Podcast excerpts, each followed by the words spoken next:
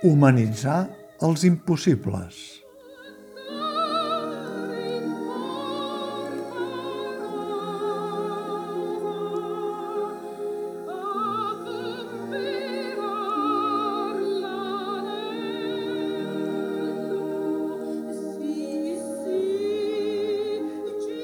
Joan Font i Jaume Bernadet, dues de les ànimes de comedians, diuen sobre les arts de carrer. El nostre objectiu és plantejar un teatre dels sentits,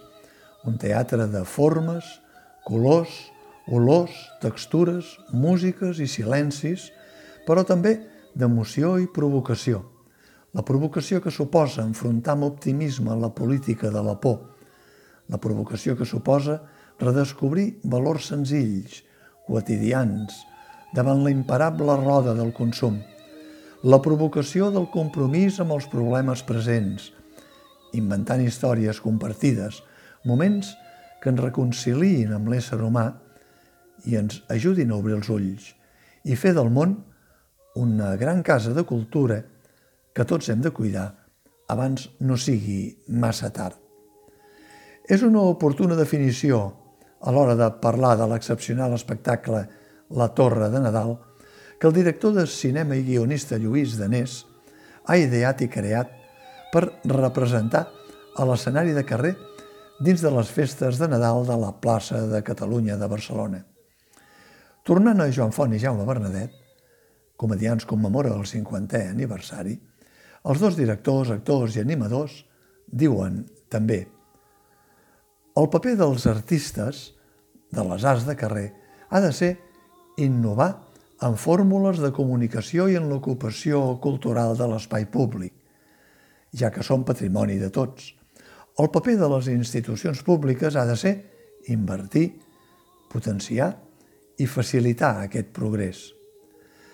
Aquesta afirmació i reivindicació dels dos membres de comedians és precisament la que es compleix en l'aixecament d'aquest suggerent i brillant muntatge escènic curt, uns 35 minuts, que barreja òpera i circ i que ho fa amb profusió de color, de gènere fantàstic, de creativitat exuberant i amb una arrodonida combinació de la música operística amb la narrativa i a la veu en off de l'actor Lluís Soler i dels diversos números de circ. I es compleix, deia, la reivindicació de comedians perquè la Torre de Nadal ha estat una coproducció de l'Ajuntament de Barcelona i el Gran Teatre del Liceu, cosa que permetrà que la Torre de Nadal no acabi aquí, com un espectacle efímer, sinó que en una pròxima temporada s'ampliï en un espectacle futur del Liceu, el Teatre de la Rambla, flanquejat des de fa poc per les tres grans portalades o constel·lacions de l'escultor Jaume Plense. En clau de compte per a tots els públics, la Torre de Nadal s'empara en uns fullets que l'autor Lluís Danés anomena els impossibles, uns fullets que apareixen només quan arriba el Nadal i que són la simbologia de tots aquells que, per aquestes dates, fan l'impossible per retrobar-se ni que sigui només una vegada a l'any. Pareu bé les orelles i obriu bé els ulls, diu el personatge Nof que interpreta Lluís Soler, el mateix que acaba assegurant.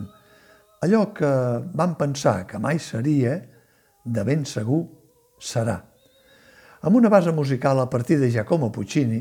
les diferents accions s'encavalquen amb àbries com la de Nessun Dorma, de Turandot, la Coro a Boca Chiusa, de Madame Butterfly, la Domio Babino Caro, de Gianni Schicci, la si Mini, de la Bohème, la de Lucevan l'Estel, de Tosca, o la de Cemiliani, el nostre imperatore, de Turandot.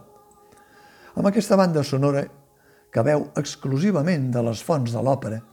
els personatges fantàstics de la Torre de Nadal es fusionen amb els artistes de circ, els cantants i els músics, integrats també en l'iconografia del muntatge – una iconografia entre humana i fantàstica,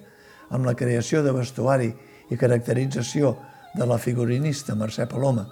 o entre moments coreogràfics dirigits per Ariadna Peia, amb intervals de números de trapezi i corda llisa, tots plegats conflueixen en escenes d'una gran poder visual com el del carruatge carregat d'andròmines o en altres escenes de gran bellesa plàstica que desprenen també una alenada de màgia relacionada sempre amb el misteri que amaga la torre, element central de l'escenografia creada pel mateix Lluís Danés i que dona sentit a aquesta singular història de Nadal.